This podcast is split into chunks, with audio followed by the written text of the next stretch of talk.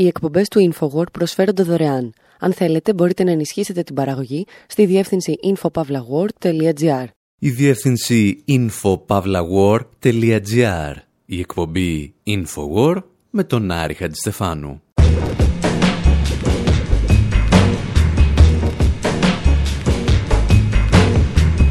όπου σήμερα συζητάμε για έναν αθλητή που δεν σηκώθηκε στην ανάκρουση του εθνικού ύμνου και κάτι μαύρους μαρξιστές που τυλίγονταν με τη ρατσιστική σημαία του Αμερικανικού Νότου. Αναρωτιόμαστε γιατί η Warner Bros. σταμάτησε να βγάζει αναμνηστικά αυτοκινητάκια με τους Dukes του Hazard και τι σημαίνει να σε κυνηγάει η αστυνομία στη νότια Τζόρτζια και τι στο βόρειο Σικάγο. Θέτουμε το ερώτημα εάν ο Άρης Βελουχιώτης πέτυχε ό,τι και οι μαύροι πάνθυρες να προσελκύσει φτωχούς ρατσιστές και θρησκόληπτους στον κομμουνισμό. Και ύστερα σκεφτόμαστε μήπως η φιλελεύθερη Αμερική επιχειρεί να κάνει ακριβώς το αντίθετο. Να διχάσει τους φτωχούς θυμίζοντάς τους ότι είναι πρωτίστως μαύροι και ισπανόφωνοι. Πρώτα όμως θέλουμε να σηκωθείτε και να σταθείτε προσοχή για τον εθνικό ύμνο. Δεν είναι ο δικός σας, αλλά αυτά είναι ψευτοδιλήμματα. To honor America and perform our national anthem, please welcome Academy Award nominee and six-time Grammy winner, Lady Gaga.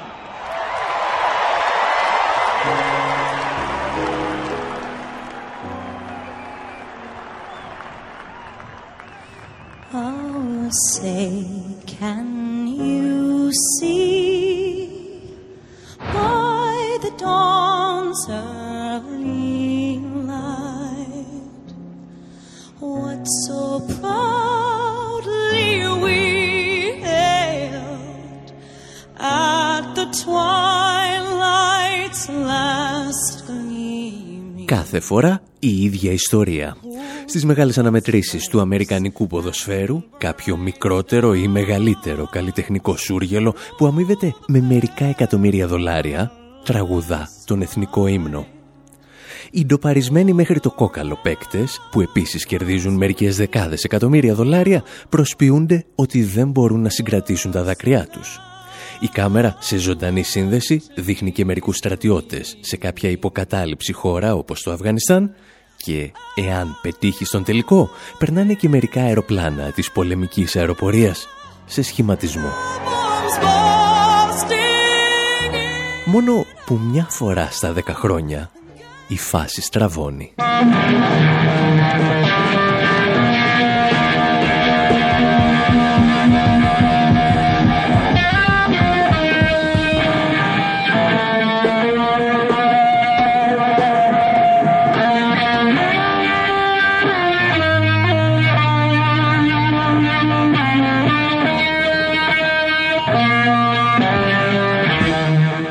2016 ένας αθλητής αρνήθηκε να σηκωθεί στον εθνικό ύμνο και ύστερα το έκανε ξανά και ξανά, προκαλώντας πανικό στα αμερικανικά μέσα ενημέρωσης.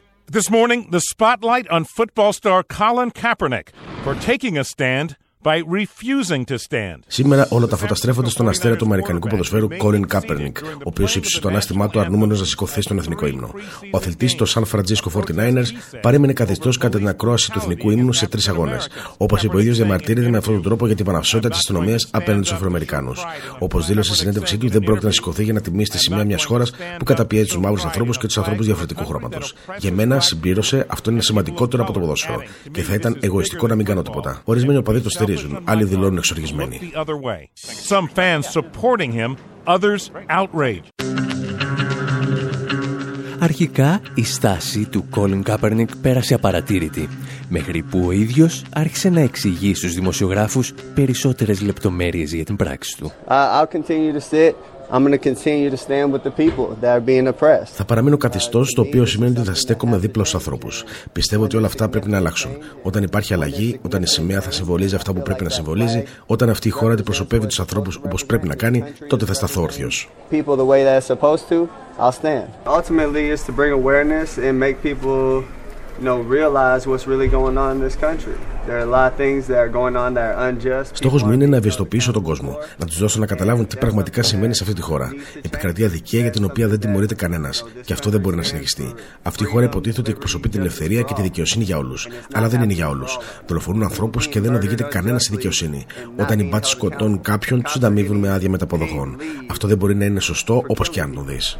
That's not right. That's not right by anyone's standards. Μέσα σε ένα χρόνο ο Κάπερνικ έγινε ταυτόχρονα ένα από τα πιο αγαπητά και τα πιο μισητά πρόσωπα του Αμερικανικού ποδοσφαίρου. Και η καλύτερη στιγμή για να βεβαιωθείς ότι έχεις προσελκύσει το ενδιαφέρον ολόκληρης της Αμερικής είναι να δεις να σε κοροϊδεύουν στο South Park. Colin Kaepernick is brave. Cops are pigs, cops are pigs. Wait, someone just took my stuff. I need to call the cops. Oh no, I just said cops are pigs. Now who's gonna help me get my stuff? Why did I listen to Colin Kaepernick? He's not even any good. Στο διαφημιστικό βίντεο για τον 20ο κύκλο επεισοδίων του South Park, ένα ολόκληρο γήπεδο τραγουδά «Η μπάτσι είναι γουρούνια και ο Colin Kaepernick είναι σπουδαίος». Τουλάχιστον αυτό λένε στην αρχή, γιατί στη συνέχεια το κοινό στρέφεται εναντίον του. Δεκάδες ακόμη αθλητές στις Ηνωμένες Πολιτείες ακολούθησαν τους τελευταίους μήνες το παράδειγμα του Κάπερνικ μένοντας καθιστή ή γονατιστή στην ανάκρουση του εθνικού ύμνου. Και ύστερα ήρθε και η σειρά του Ντόναλτ Τραμπ να τοποθετηθεί με τη γνωστή εφράδια ενός Αμερικανού Προέδρου. Well, I have uh, followed it, and I think it's. Uh, I think it's personally not a good thing. I think Παρακολούθησα την ιστορία και πιστεύω ότι δεν είναι καλό πράγμα. Είναι πολύ κακό πράγμα. Ίσως πρέπει να βρει μια χώρα που να τον βολεύει καλύτερα. Ας τον αφήσουμε να προσπαθήσει.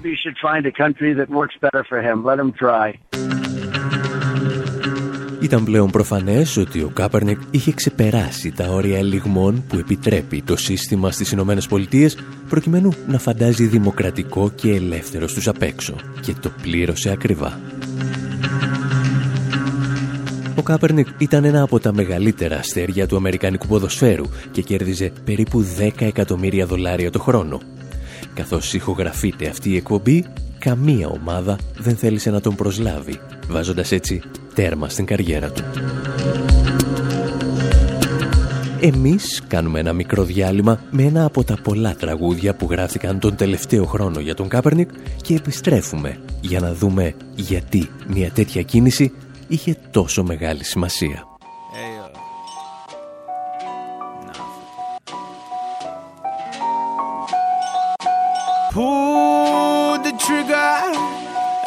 Nobody gonna do for you. Pull the trigger. Maybe you should pull the fucking trigger. Pull the trigger. Ain't nobody gonna do for you. Pull the trigger.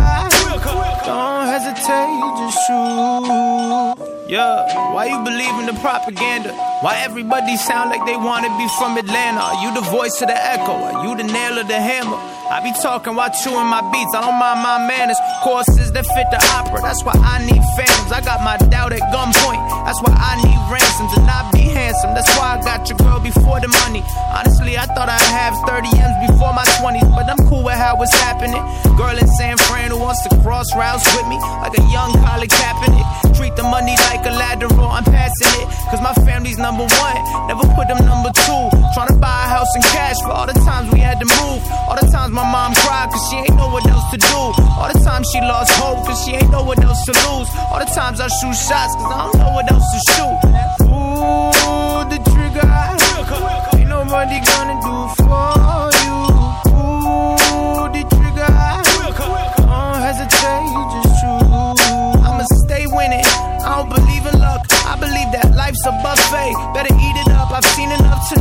that I'm really about to blow. Never felt like an employee, always felt like CEO.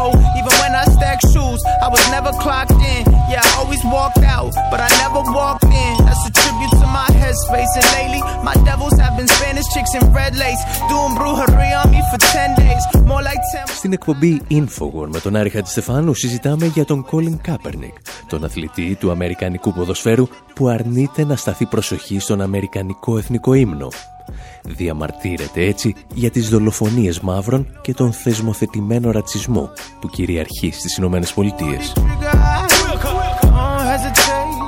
Και δεν ξέρουμε αν ο Κάπερνικ το γνώριζε όταν πήρε την απόβασή του, αλλά αν πρέπει να μιλήσεις για ρατσισμό στην Αμερική, είσαι υποχρεωμένος να ξεκινήσεις από τον εθνικό ύμνο.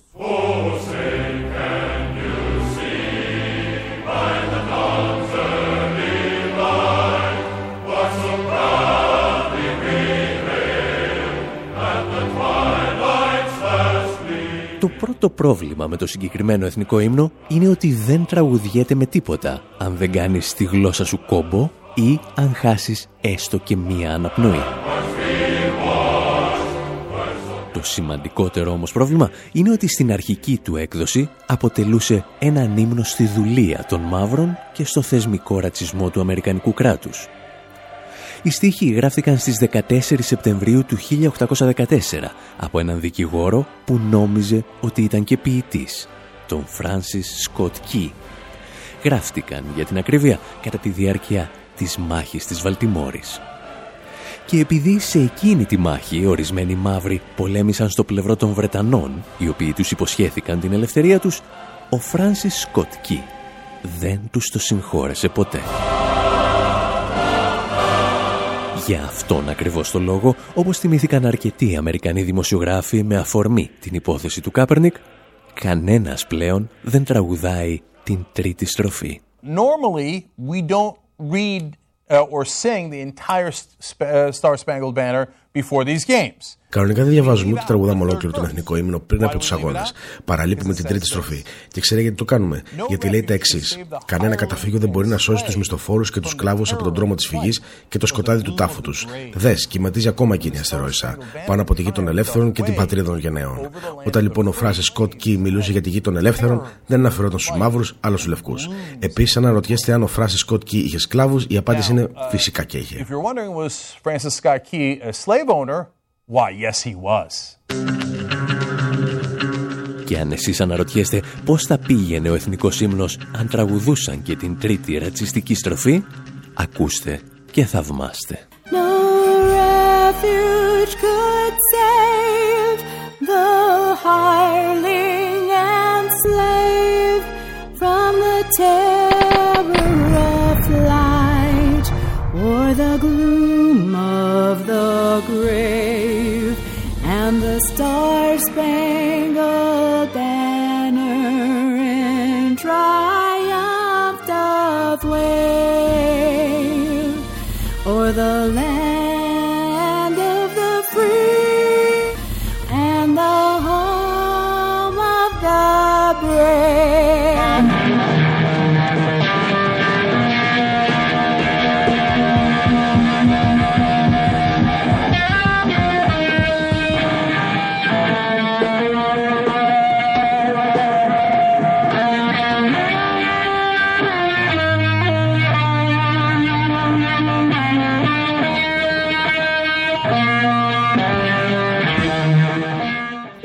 Κάπερνικ βέβαια με τη στάση του ανέδειξε και ένα ακόμη σημαντικό φαινόμενο εκτός από τον ρατσισμό που κρύβεται στην τρίτη στροφή του Αμερικανικού Εθνικού Ύμνου.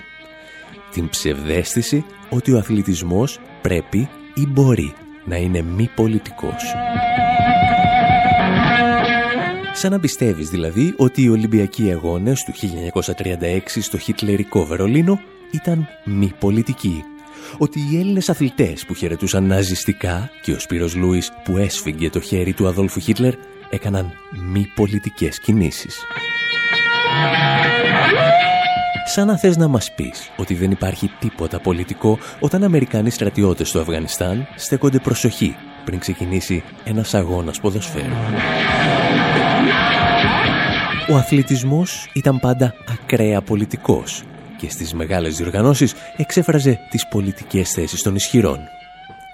Τι γίνεται όμως σε εκείνες τις ελάχιστες περιπτώσεις που τα σύμβολα των ισχυρών, όπως ο εθνικός ύμνος ή μια σημαία, περνάνε και στα χέρια των καταπιεσμένων; Ιστορίες με τους μαύρους πάνθυρες και τη σημαία του Αμερικανικού Νότου για να έχουμε να λέμε στο δεύτερο μέρος της εκπομπής. I pledge allegiance to the flag of the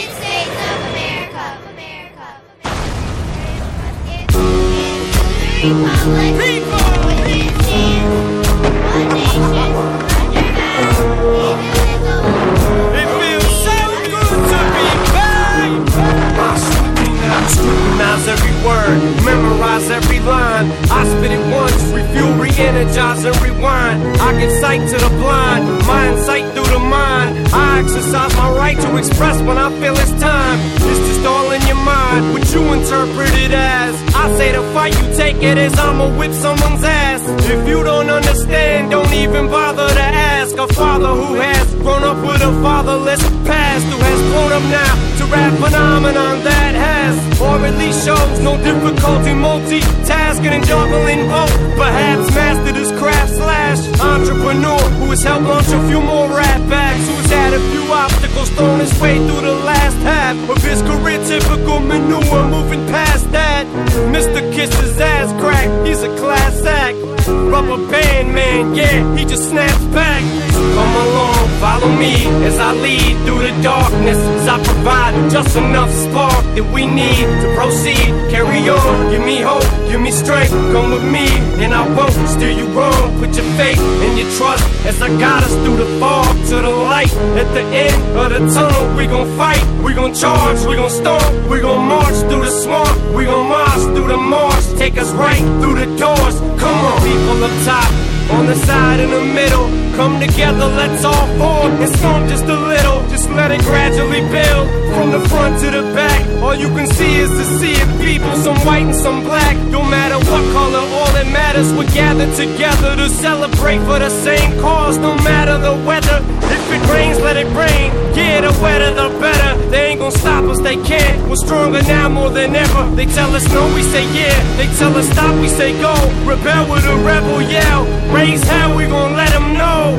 Storm, push, shove, mush, fuck push. Until they bring our troops home. Come on, just come along. Follow me as I lead through the darkness. As I provide just enough spark that we need to proceed. Carry on, give me hope, give me strength. Come with me, and I won't steer you wrong. Put your faith and your trust as I guide us through the fog to the light. At the end of the tunnel, we gon' fight, gon' charge, we gon' storm, we gon' march through the swamp, we gon' march through the marsh. Take us right through the doors. Come on, imagine it pouring, it's raining down on us. Marsh pits outside the Oval Office. Someone's trying to tell us something. Maybe this is God just saying we're responsible for this monster, this coward that we have empowered.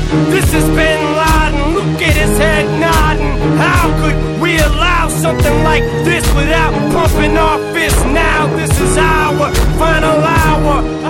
Let me be the voice and your strength and your choice. Let me simplify the rhyme just to amplify the noise. Try to amplify times it and multiplied by 16 million people are equal at this high pitch. Maybe we can reach Al Qaeda through my speech. Let the president answer high Strap him with an AK 47. Let him go fight his own war. Let him impress daddy that way.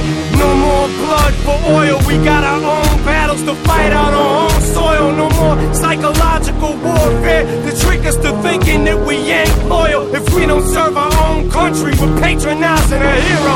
Look in his eyes, it's all lies. The stars and stripes have been swiped, washed out and wiped, and replaced with his own face. March now or die. If I get sniped tonight, you'll know why. As I told you to fight. Come along, follow me as I lead through the darkness. As I provide just enough spark that we need to proceed. Carry on, give me hope, give me strength. Come with me, and I won't steer you wrong. Put your faith and your trust as I guide us through the fog to the light.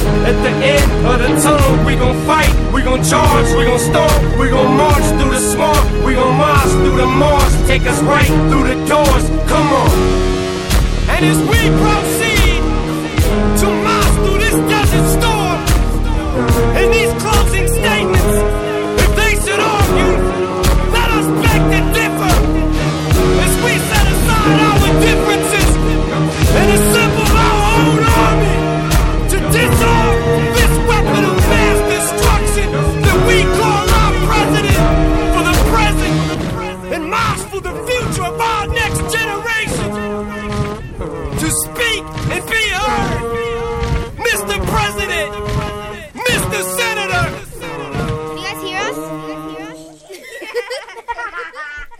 Οι εκπομπές του InfoWord προσφέρονται δωρεάν. Αν θέλετε μπορείτε να ενισχύσετε την παραγωγή στη διεύθυνση infopavlagor.gr.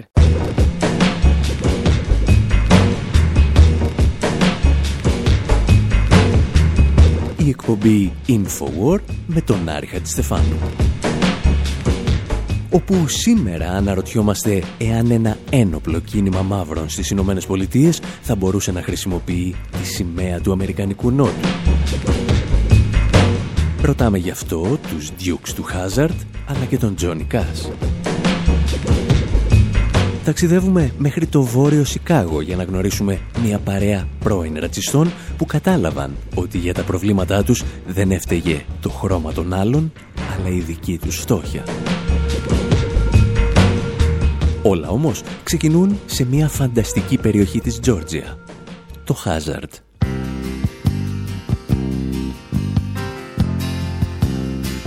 Just a good old boy, never meaning no harm. Beats all you never saw, been in trouble with the law since the day they was born. Straightening the curve, yeah, flattening the hills. Someday the mountain might get 'em, but the law never will. Making their way the only way they know how. That's just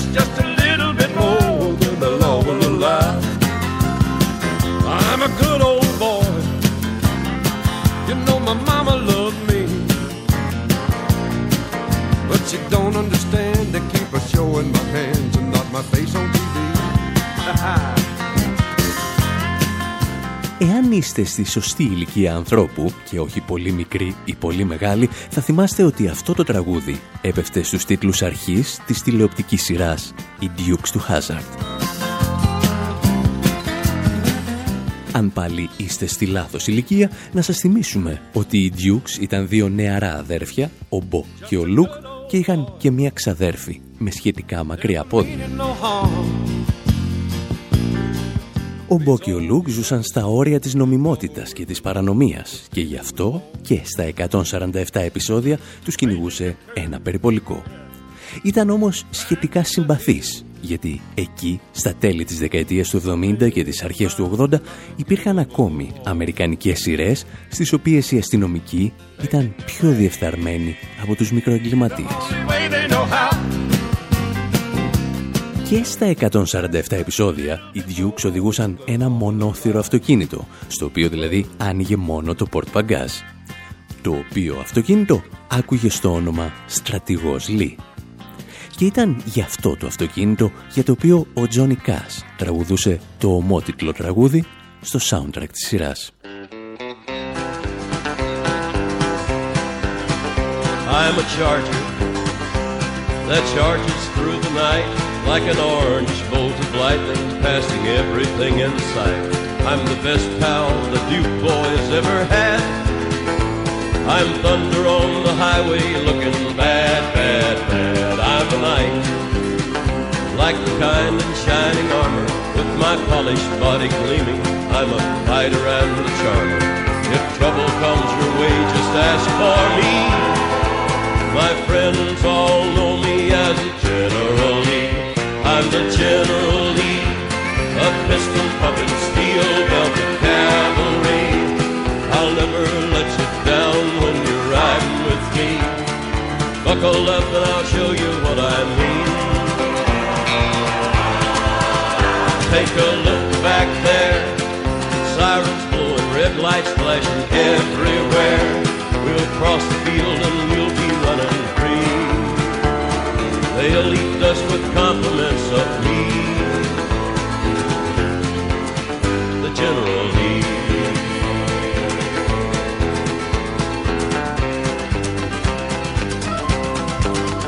I'm a hero, and that's how I'll make you feel when you're riding shotgun with me, and the law is at your heels.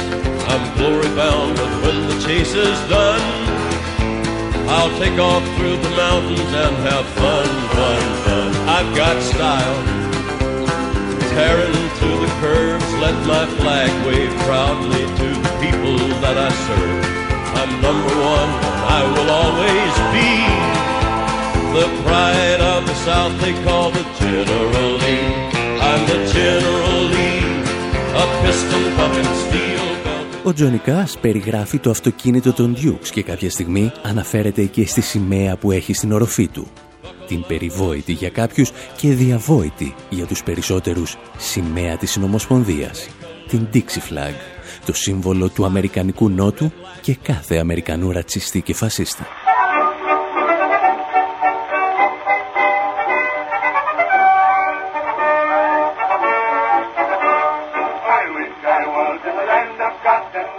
Η σημαία που γνωρίζουμε σήμερα με το κόκκινο φόντο και το μεγάλο μπλε χ με τα λευκά αστέρια ήταν μία από τις τρεις σημαίες που χρησιμοποιήθηκαν στις συνομόσπονδες πολιτείες της Αμερικής. Τα 11 δουλοκτητικά καθεστώτα που ενώθηκαν από το 1861 έως το 1865. Σήμερα η σημαία της Συνομοσπονδίας έχει ακόμη πιο ακραίους συμβολισμούς αφού συνδέθηκε με το ακροδεξιό κίνημα του Alt-Right, την Ku Klux Klan και τους νεοναζιστές που κατέβηκαν το καλοκαίρι του 2017 στο Σάρλοτσβιλ κρατώντας τη σβάστηκα. Για όλους αυτούς τους λόγους, η φιλελεύθερη Αμερική προσπαθεί τα τελευταία χρόνια να εξαφανίσει τη σημαία της Συνομοσπονδίας Μεγάλες αλυσίδες σούπερ μάρκετ όπως τα Walmart τις απομακρύνουν από τα ράφια τους. Ενώ η Warner Bros. ανακοίνωσε ότι σταματάει να παράγει αναμνηστικά αυτοκινητάκια των Dukes, καθώς στην οροφή τους υπάρχει η Dixie Flag. Το πρόβλημα για άλλη μια φορά με τη φιλελεύθερη Αμερική είναι ότι κινείται σωστά όταν μιλάει για τον φιλετικό ρατσισμό, αλλά για μια διαολεμένη σύμπτωση ξεχνά πάντα τις τάξεις. Και όταν μια εταιρεία σαν την Walmart που εκμεταλλεύεται παιδιά σκλάβου στην Ασία έχει άποψη για το φιλετικό ρατσισμό στις Ηνωμένες Πολιτείες, να είστε σίγουροι ότι κάτι έχει ξεχάσει. Ίσως γι' αυτό οι μαύροι πάνθυρες πριν από μερικές δεκαετίες θα είχαν πρόβλημα με τη Walmart, αλλά δεν είχαν κανένα πρόβλημα με τη σημαία του Αμερικανικού Νότου. Ιστορίες για να μοιραστούμε σε λίγο. Όχι εδώ, στο Σικάγο.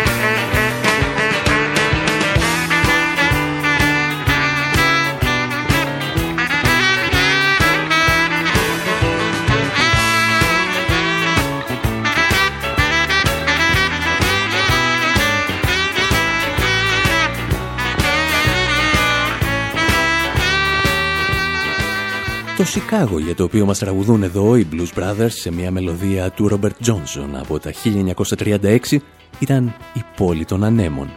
Ήταν όμως και η πόλη της εσωτερικής μετανάστευσης. Τη δεκαετία του 20, του 30 και του 40 έφταναν στο σιδηροδρομικό σταθμό του Ντέρμπον μετανάστες από κάθε γωνιά της Αμερικής, κουβαλώντας μαζί τους και jazz και blues ήχους. Μετά το Δεύτερο Παγκόσμιο Πόλεμο όμως υπήρξε ένα συγκεκριμένο μεταναστευτικό ρεύμα λευκών από τον Αμερικανικό Νότο οι οποίοι εγκαταστάθηκαν στις βόρειες συνοικίες της πόλης. Και αυτοί, αντί για τη jazz και τα blues, κουβαλούσαν το μίσος τους για τους μαύρους και τις σημαίες της Συνομοσπονδίας. Το πρόβλημά τους, όπως διαπίστωσαν πολύ σύντομα, ήταν ότι το Αμερικανικό κράτος και η αστυνομία στο Σικάγο τους αντιμετώπιζε με τον ίδιο ακριβώς τρόπο που αντιμετώπιζε τους μαύρους και τους πορτορικάνους μετανάστες.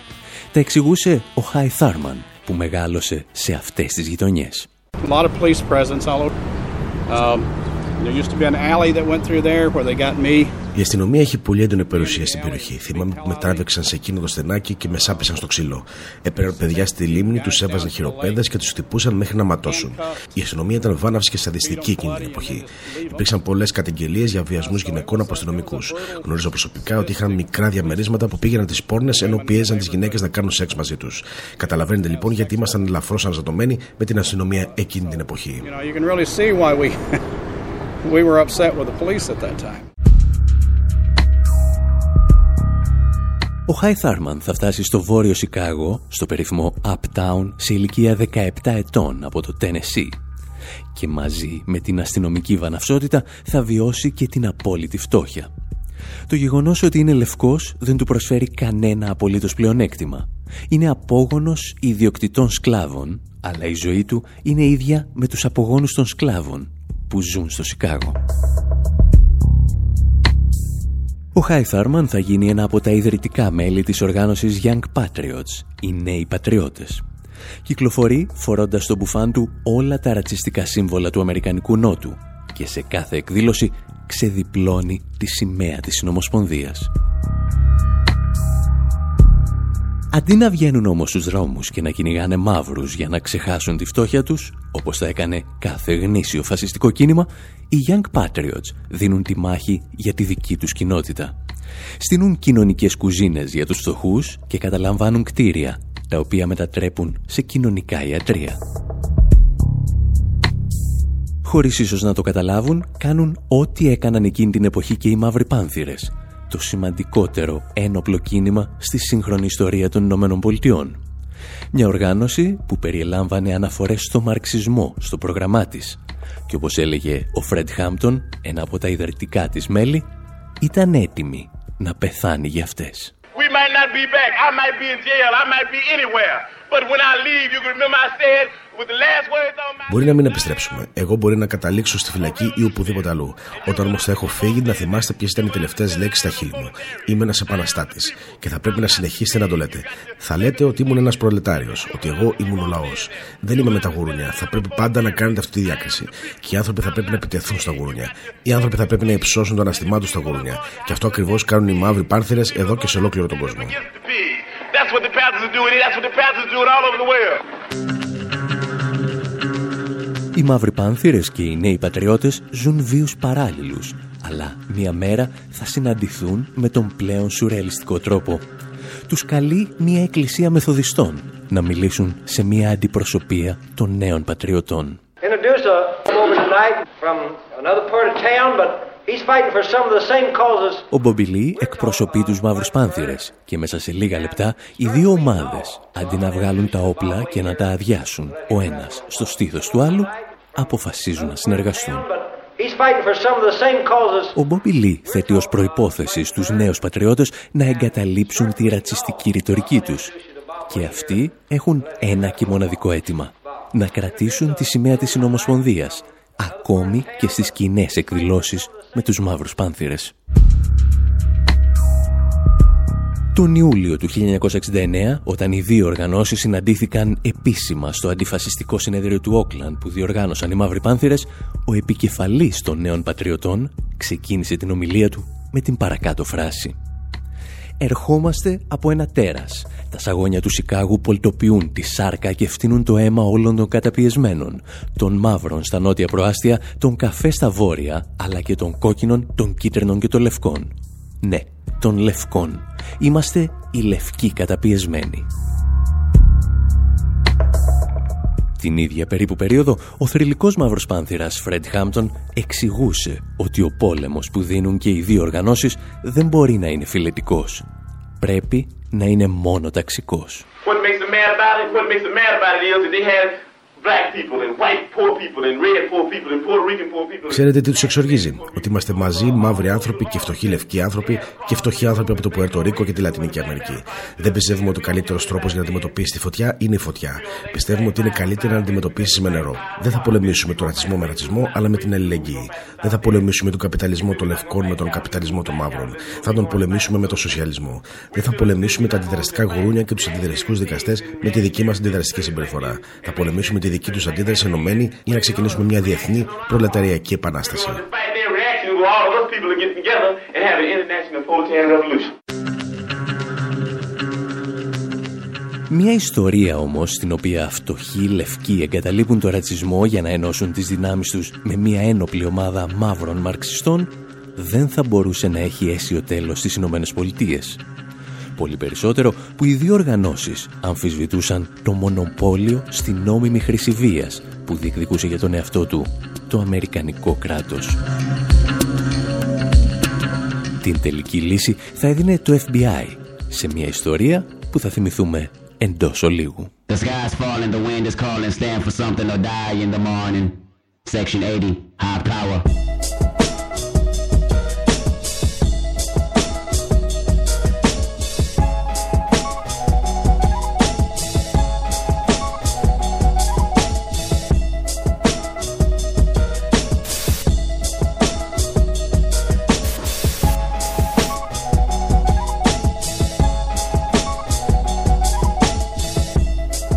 Visions of Martin Luther staring at me.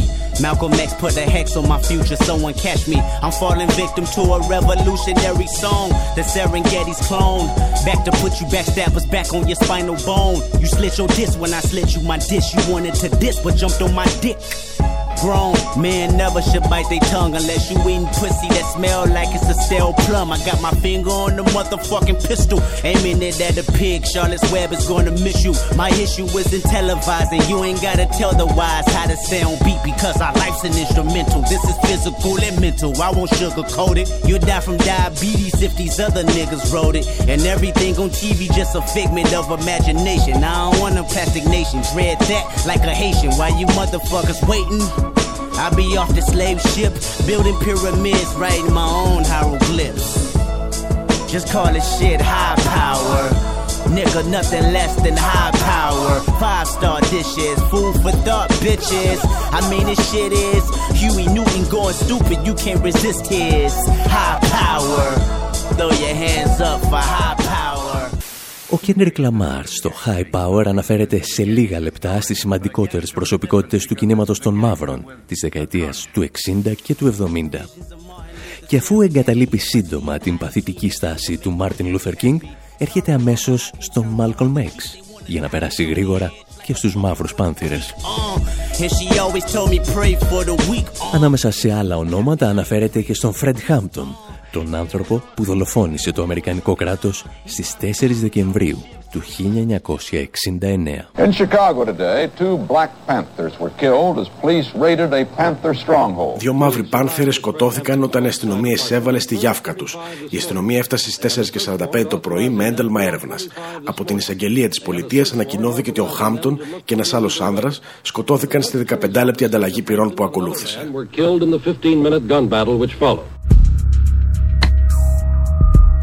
Στο σπίτι που βρισκόταν ο Χάμπτον πραγματοποιήθηκε λαϊκό προσκύνημα και όσοι είδαν το δωμάτιό του έφυγαν με την ίδια απορία.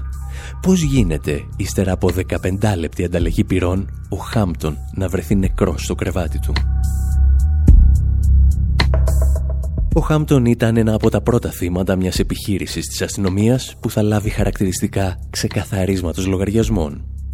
Η Κάθλιν Κλίβερ, στέλεχος στους Μαύρους Πάνθυρες, αναλάμβανε να εξηγήσει τι είχε συμβεί. Richard Nixon was elected president and was inaugurated in January of 1969. Ο Νίξον εξελέγει πρόεδρος και ανέλαβε τα καθήκοντά του τον Ιανουάριο του 1969. Από εκείνη τη στιγμή γίναμε στόχος ενός καλωστημένου μηχανισμού αντικατασκοπίας αλλά και αστυνομικής βαναυσότητας.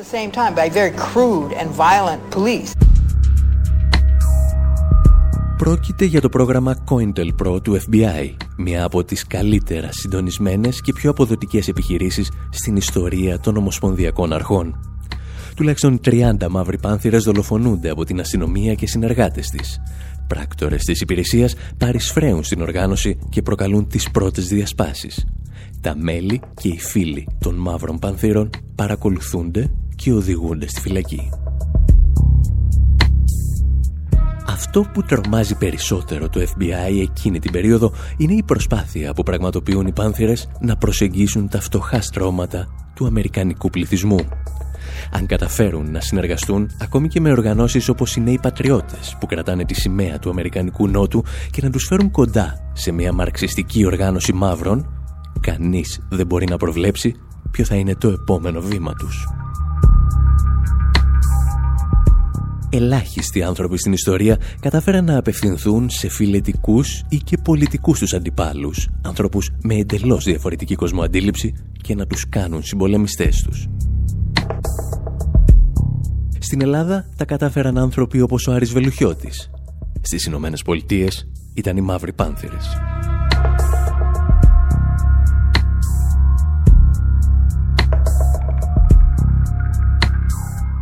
Κάπου εδώ όμως, εμείς λέμε να σας αφήσουμε για αυτή την εβδομάδα. Από τον Άρη Χατζηστεφάνου στο μικρόφωνο και τον Δημήτρη Σαθόπουλο στην τεχνική επιμέλεια, γεια σας και χαρά σας.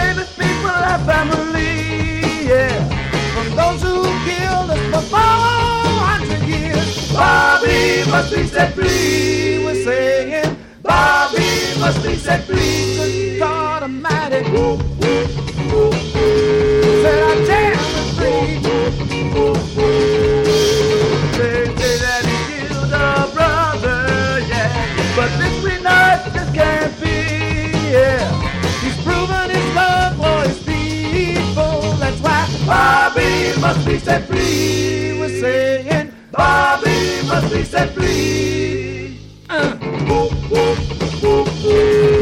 Set the cherry free.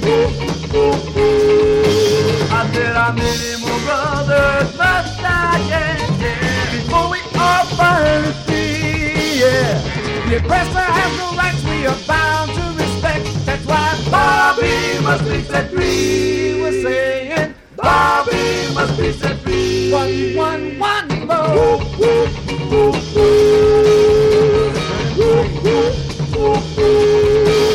We won't sacrifice our destiny, cause you like me, our destiny, yeah.